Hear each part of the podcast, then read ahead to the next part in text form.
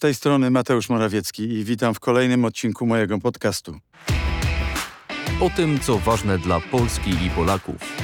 Specjalny podcast premiera Mateusza Morawieckiego. W zeszłym tygodniu nie było dobrej okazji, żeby porozmawiać o piłce i Mistrzostwach Świata, ale w tym tygodniu już chyba nie mogę uniknąć tego tematu.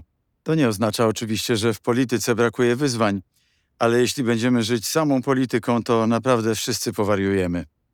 Sport jest po to, żeby dać nam odrobinę oddechu, żebyśmy mogli złapać trochę dystansu do otaczającego nas świata. Łatwo powiedzieć, trudniej zrobić. Bo przecież nie ma w Polsce bardziej politycznej dyscypliny sportu niż piłka nożna. Politycznej i w dobrym, i w złym sensie. W tym dobrym, bo kiedy gra nasza reprezentacja, jesteśmy naprawdę zjednoczeni jako naród. Na bok odchodzą wszystkie spory, a my możemy przeżywać coś wspólnie, czuć się jedną wielką rodziną, przypomnieć sobie, że mimo różnic są sprawy, które nas łączą. Hymn, biało-czerwona flaga i to niezwykłe napięcie, kiedy na boisko wybiegają zawodnicy z orłem na piersi. To wszystko przypomina nam, że nawet jak czasami narzekamy na Polskę, nawet jak pod koniec listopada wydaje nam się smutna i posępna ze względu na pogodę, to emocjonalnie jesteśmy z nią związani na dobre i na złe. A jak to jest z polityką wokół piłki w tym złym sensie? Tak dzieje się wtedy, kiedy państwo próbuje sobie zawłaszczyć sukcesy sportowców. Dziś takie rzeczy już nie mają miejsca, ale w PRL-u wyniki kadry trenera Górskiego były przedmiotem rozgrywki władz. Orły Górskiego grały dla Polski, ale komuna chciała je zamknąć w ideologicznej klatce. To się nigdy nie udało, bo Polacy z łatwością rozpoznawali ten teatr. Od polityki trudno też uciec, kiedy patrzy się na to, co wyrabia dzisiaj FIFA.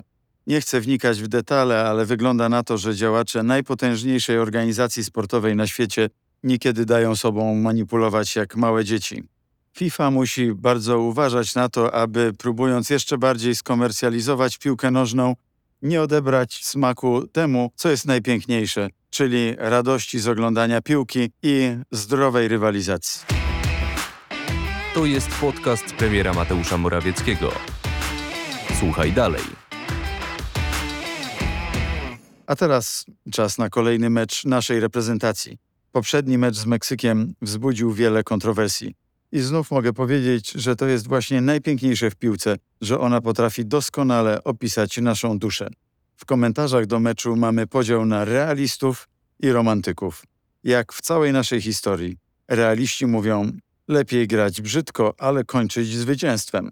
Romantycy odpowiadają, wynik jest ważny, ale najważniejsza jest piękna gra. 0-0 z Meksykiem chyba nie rozstrzyga tego sporu. Realiści mogą być niezadowoleni, bo mimo taktycznego podejścia nie było zwycięstwa. Romantycy tym bardziej są niezadowoleni, bo dla romantyka wynik 0-0 to wynik najgorszy z możliwych. Naszemu wspaniałemu Robertowi Lewandowskiemu tym razem zabrakło trochę szczęścia, a bramkarz Meksyku pokazał to, czego wszyscy się po nim spodziewali. Fenomenalną dyspozycję i wyczucie, którego nigdy w czasie mistrzostw mu nie brakuje. Nasz napastnik to geniusz, jeśli chodzi o karne. W Bayernie był ich doskonałym egzekutorem i strzelał seriami. Ale ten moment, kiedy zabraknie szczęścia, w końcu musiał nadejść. Wszystkim, którzy mają pretensje do Lewandowskiego, odpowiadam: trzeba było wziąć od niego tę piłkę i samemu strzelić, jak jesteście tacy mądrzy. Większość z nas, czyli zwykłych kibiców, pewnie zemdlałaby ze stresu i nawet do piłki ustawionej na 11 metrze nie dobiegła. A Robert Lewandowski dał naszej reprezentacji już tyle, że mógłby do końca swojej kariery pudłować wszystkie karne, a i tak nikt nie odbierze mu tytułu najlepszego polskiego piłkarza w naszych dziejach. Gdybym był selekcjonerem, któż o tym zresztą nie marzy, to przy następnym karnym do piłki podszedłby właśnie nasz kapitan Robert Lewandowski. Chciałem zwycięstwa jak wszyscy, ale mamy remis. I ten remis sprawia, że wszystko jest teraz w naszych rękach. Większe problemy w grupie ma Argentyna, któż się tego spodziewał, która przez wielu typowana była na zwycięzcę całego turnieju. W innych grupach faworyci też nie mieli łatwo. Niemcy przegrali z Japonią, Belgia wygrała skromnie z Kanadą i to po wielkich kontrowersjach.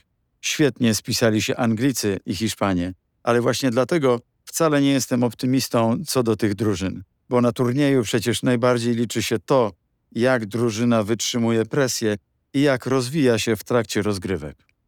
No właśnie, Anglicy i Hiszpanie zaczęli z wysokiego C, ale zobaczymy, jak poradzą sobie, gdy mecz nie będzie przebiegał po ich myśli, gdy przyjdzie jakiś kryzys.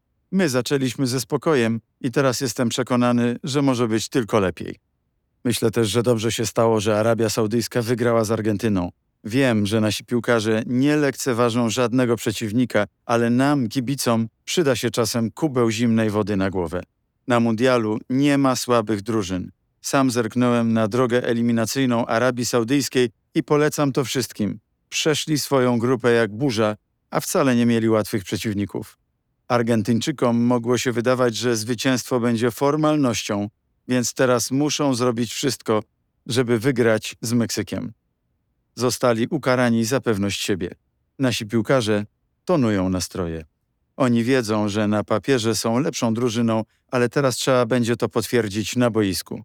Ja z kolei po cichu mam nadzieję, że Arabia Saudyjska swój najlepszy mecz turnieju ma już za sobą. 2 do 0 i awans jest nasz. Takiego scenariusza bym sobie życzył.